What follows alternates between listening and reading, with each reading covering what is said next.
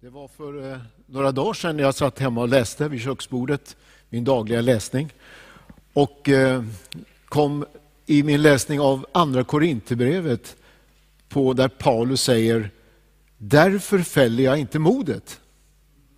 Och efter bara några versar så upprepar han Därför fäller jag inte modet. Och han motiverar också när han skriver därför. Eh, och sen ytterligare några verser längre fram så säger han jag är alltid, vi är alltid vid gott mod. Och då gick mina tankar i en riktning, jag ska dela några bibelverser ifrån psalm 42. Men innan jag gör det så vill jag berätta om att vi idag har haft kontakt med Mauritanien, ett av våra missionsländer. Och jag har pratat med den kvinna som leder arbetet där med projekt. Och hon sa, hon vädjade om be för Mauritanien, be för mig. Och när hon bad om förbön för sig själv, det är så att hon är, eh, sitter ganska centralt i en politisk position. Och nu fanns det en, en uppmaning till henne som gjorde henne så lite frågande. Eh, och jag kan inte närmare gå in på vad det där var, men hon sa be för mig att jag verkligen kan fatta rätt beslut. Och så ska vi be för landet.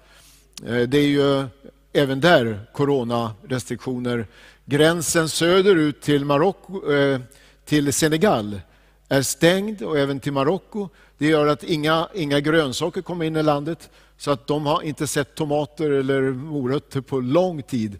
Utan det är jättesvårt läge. Ska vi ta bara någon minut och be för Mauritanien och så ber vi för den här kvinnan som vi har kontakt med. Herren vet precis vad det gäller. Herre, jag tackar dig att du välsignar det här landet Mauritanien, där Afrikas västkust. Så full av sand och öken, men också människor. Tack att du välsignar landet Mauritanien i den här, den här situationen de upplever nu. Och så ber vi speciellt för vår kontakt där nere, som eh, betyder så mycket för så många människor. Ge henne vishet, ge henne kunskap, ge henne profetisk insikt i hur hon ska handla i olika situationer. Ber om det Herre, i Jesu namn. Och nu ber jag också att du välsignar ditt ord. Låt det få bli till välsignelse för oss var och en. I Jesu namn. Amen. Jag läser alltså från psalm 42 och 43, inte hela psalmerna, eh, vi har inte tid. Annars är det båda psalm 42 och 43 håller egentligen samman. Det är en psalm egentligen, fast i vår bibel så är det uppdelat i två. Det börjar så vackert, psalm 42, där det står Som hjorten trängtar efter vattenbäckar, så trängtar min själ efter dig, o Gud. Sen går det ner några verser och så står det så här. Varför är du så bedrövad min själ och så orolig i mig? Sätt ditt hopp till Gud. Jag ska åter få tacka honom för frälsning genom honom. Så går det några ytterligare verser och så står det i vers 12. Varför är du så bedrövad min själ och varför så orolig i mig? Och så säger han till sig själv, sätt ditt hopp till Gud, ty jag ska åter få tacka honom, min frälsning och min Gud. Och så den sista versen i psalm 43 direkt efter så säger han igen, varför är du så bedrövad min själ och varför så orolig i mig? Sätt ditt hopp till Gud, ty jag ska åter få tacka honom, min frälsning och min Gud. Varför är du så bedrövad? Jag har hört, jag kan inte bekräfta, jag har inte själv eh, gått igenom och, och kollat det, men det sägs att uttrycket var inte rädd eller frukta inte, det finns i Bibeln nämnt eh, 366 gånger. Jag, jag har som sagt inte kontrollerat det, men jag, jag, tror att det kan stämma, för det låter logiskt, eller hur? Vi har ett sånt där uttryck för varje dag, och även för skottåret så finns det ett Frukta inte. Och Det där är så bra för att vi människor vi lever ju väldigt mycket i fruktan och oro, eller hur? Eh, det finns så mycket som skapar oro. Nu lever vi speciellt i en tid eh, som verkligen inger oro. I morse stod en ambulans på mitt område och sjukvårdare som såg ut som, ni vet, eh, månfarare täckta med, med, som agerade. Och, och, det är klart, ni vet, hela den här atmosfären gör att vi, vi känner oro, olust, oro, fruktan. Och du vet, oron skapar ofta rädsla och fruktan. Oro och fruktan det är som ett siamesiskt tvillingpar, de går ofta tillsammans. Och Oron gör att liksom, eh, vi blir rädda. Och när vi blir rädda så handlar vi ofta i panik. Irrationellt. Och det är jättefarligt. Man ska aldrig handla i panik. Men det är så lätt när rädslan kommer över oss. Och sen är det så lätt att tron liksom flyter bort. Va? Vi, vi orkar, liksom inte, orkar liksom inte tro. Och det är väl därför salmisten säger så här, varför är du så orolig i mig? Och det här, det här går ju så djupt. Om du läser hela den här, det här avsnittet så ska du se att det står djup ropar till djup. Alltså det går så djupt, det går in i det innersta i vårt väsen. Oron liksom den impregnerar sig in och, och präglar hela vår tillvaro. Varför är du så orolig? Ja, det finns, eh, finns ju forskning på det mesta. Eh, ibland funderar man på om, om all forskning verkligen är nödvändig. Men det finns, det måste väl vara inom psykologi antar jag, finns forskning på det här med oro som vi gör oss och känner, oss människor. Eh, det är intressant att den här forskningen ger vid handen att 40 procent av det vi oroar oss för, det, det är liksom eh, osannolikt att det någonsin kommer att inträffa. Och ändå är vi oroliga. 40 procent. 30 procent av det vi går och oroar oss över, det har förbindelse med det som redan har hänt och vi inte kan göra någonting åt. Så du vet, 70 procent av oro, det är liksom onödigt. Sen så finns det då 10 procent oro kring våra familjer, vår hälsa. Och det är ju naturligtvis berättigad oro. Eh, 12 procent säger de att det är oro kring små vardagshändelser. Oj, jag har väl inte glömt att stänga av spisen. Du vet, sådana där saker. Och så säger forskaren 8 procent av den oro vi känner och bär med oss, det är egentligen berättigad oro. Där vi har anledning att gå och känna oro. Varför är du så orolig i mig, min själ? Bibeln säger ofta, Jesus upprepar, gör er inga bekymmer. Och det är nästan så när man ser den här forskningen, att, det är, att vi, gör oss, vi tillverkar bekymmer som vi egentligen inte behöver bära på. Men det är så mänskligt. Det är så djupt mänskligt att vara orolig. Jobb, han som drabbades så otroligt, vi läser ju i hans bok i Bibeln, han säger vid ett tillfälle, människan är av kvinna född, lever en kort tid och mättas av oro. Det låter väl pessimistiskt, men visst är det ofta så vi känner det. Det, är så mänskligt att känna oro. Till och med Jesus upplevde ju oro. Han var människa precis som vi. Det står vid ett, ett tillfälle, det är den sista kvällen, när han är i, i Getsemane gård, så står det så här, han greps av ängslan och ångest och sa till lärjungarna, min själ är djupt bedrövad ända till döds. Han hade anledning att känna oro, Jesus. Det var en berättigad oro och den lamslog honom där. Men där i, i ett Semanegården så vann han seger över sin oro och han kunde möta det som låg framför honom i kärlek till oss. Åh, det, är så mycket, det är så lätt att göra sig bekymmer och oro. En, en av eh, de som passade upp på Jesus vid ett tillfälle, Marta, Jesus säger till henne, Marta, Marta, du, du gör dig bekymmer och oro för så mycket. En sak är nödvändig. Visst känner vi igen oss i det. Vi gör oss bekymmer och oro för så mycket. ikväll, käre vän, och det finns några stycken också här i kyrkan. Hur är det? Är du lamslagen av oro?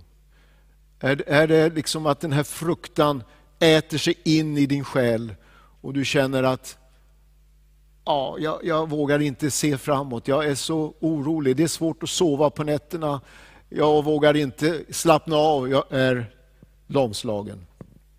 Ja visst, Eh, vi, skulle kunna räkna upp många skäl till vår oro. Jag nämnde nyss den pandemi vi är mitt uppe i, som påverkar hela vår värld.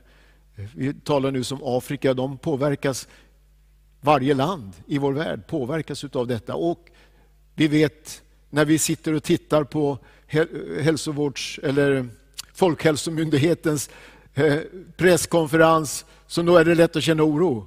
När man ser staplarna som går rakt upp om man känner, oj, hur är det för mig? Hur är det för de mina, de jag har kär? Oro för relationer, man kan känna oro för e-, ekonomin. Vi hörde nyss här ett bönämne om någon som sökte arbete. Det är många idag som har förlorat jobbet och naturligtvis går med oro. Hur blir det i framtiden? Klarar jag amorteringarna på huset? Kan jag ordna mat för barnen? Hur är det med min hälsa?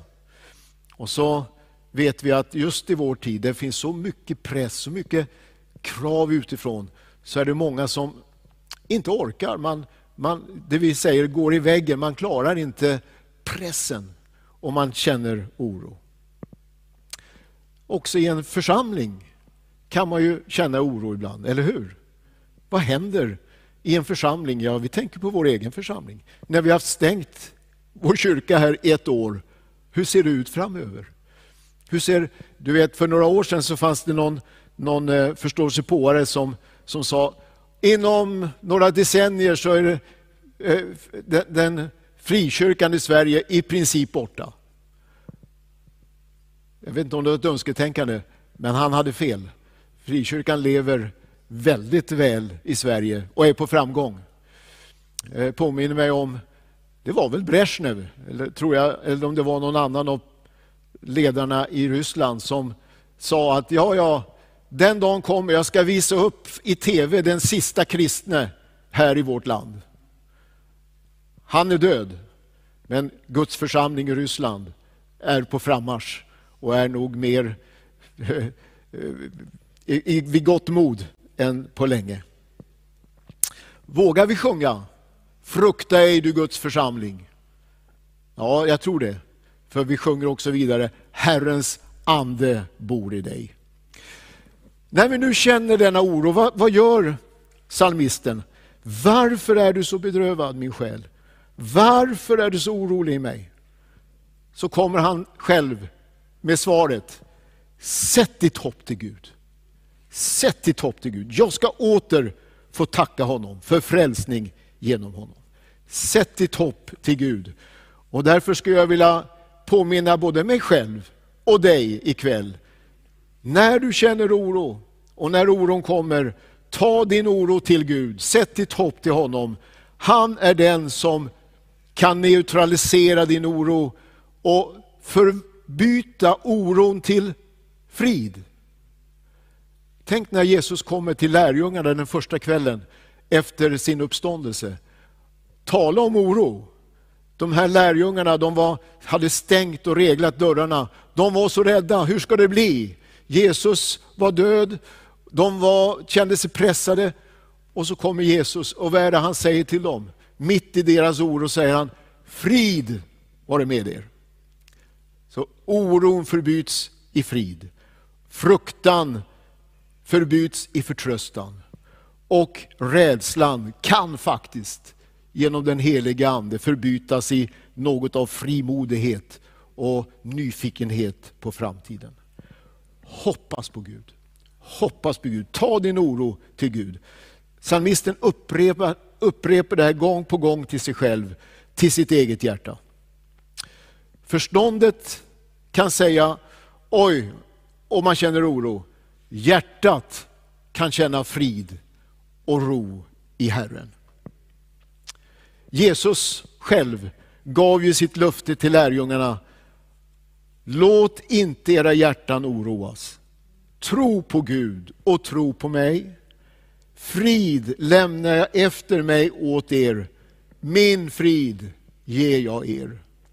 Fantastiska ord den där kvällen när lärjungarna skulle gå inför den här turbulenta timmarna framöver med så mycket oro, så mycket som de inte förstod, så mycket rädsla. Så hörde de Jesu ord ringa liksom inom sig. Känn ingen oro. Tro på Gud, tro på mig. Min frid ger jag er. Han ger oss det. Vilket löfte. Och så uppmanar Bibeln oss, gör er inga bekymmer. Jesus säger det i bergspredikan. Ehm, jag har inte tid att läsa, men Jesus säger, gör er inga bekymmer för ert liv. Och han börjar tala om det här, vad ni ska äta, vad ni ska klä er med och så vidare. Er far vet ju att ni behöver detta. Och han, han liksom för in den här dimensionen av barnets förtroende till föräldrarna. Jag har ju själv eh, haft fyra barn suttit hemma vid matbordet. Nu sitter de inte där längre, nu har de egna matbord på andra håll. Men de har suttit där. Och det är väldigt sällan på morgonen de har sagt, pappa, hur blir det, visst får vi mat ikväll? Visst, visst har vi någonting att äta? Nej, de visste ju. Mamma och pappa finns där, det kommer finnas mat på bordet, det kommer ordna sig. Den förtro, det förtroendet fanns ju. Vi ska ha samma förtroende. Vår far vet vad vi behöver. Han känner din situation. Han vet om din arbetslöshet. Han vet om beskedet du kanske fick ifrån din läkare som skapar så mycket oro. Han vet om din oro för dina barn, dina barnbarn, dina barns frälsning. Han känner till allt det där. Er himmelske far vet vad ni behöver. Lita på din far. Lita på Guds nåd och välsignelse i ditt liv. Och så säger Paulus, gör er inga bekymmer för något, utan låt Gud få veta era önskningar genom åkallan och bön och tacksägelse. Det är en fin väg. Vi är ju samlade till bön ikväll. När vi känner bekymmer, ta det till Gud. Börja be, lägg det i hans händer. Börja åkalla, börja visa och berätta dina önskningar för honom. Och låt också din bön fyllas med tacksägelse. Så vet jag att din oro kommer att förvandlas till frid och förtröstan. Ta med din oro till Gud i bön. Och Du ska se att det är en medicin som är fantastisk i vår situation. Till slut säger Petrus i ett av sina brev, Kasta alla era bekymmer på honom, ty han har omsorg om er. Visst är det en fantastisk vers? Kasta dina bekymmer på honom. Han har omsorg. Han bryr sig. Varför är du så orolig? Varför är du så bekymrad, min själ? Lita på Gud. Hoppas på Gud. Ta din oro till Gud. Han vet om allt. Han känner din situation. Och han förvandlar din oro till tro och förtröstan. Nu ber vi tillsammans. Herre, tack att du är en Gud som känner vår oro. Du vet att vi är stoft, du vet att vi känner så mycket oro. Och en del av oss är så ängsliga och vi känner så mycket fruktan. Men du vet hur det är att vara människa. Jesus, du var ju själv människa. Du kände oron själv, du vet hur det är. Och tack att vi får komma till dig. Vi hoppas på dig Gud. Vi kommer med vår oro till dig och ber om din välsignelse, ber om din frid, vi ber om din förtröstan och hjälp. Och vi ber om att du ska gripa in där vi just nu ikväll känner vi måste få ett ingripande av Gud, annars så går det inte väl. Tack att du är en Gud som gör under, du är en Gud som hjälper, du är en Gud som förvandlar. Du är en Gud som öppnar dörrar inför framtiden. Du är en Gud som vidgar perspektiven. Och du för oss fram i segertåg. I Jesu namn. Amen.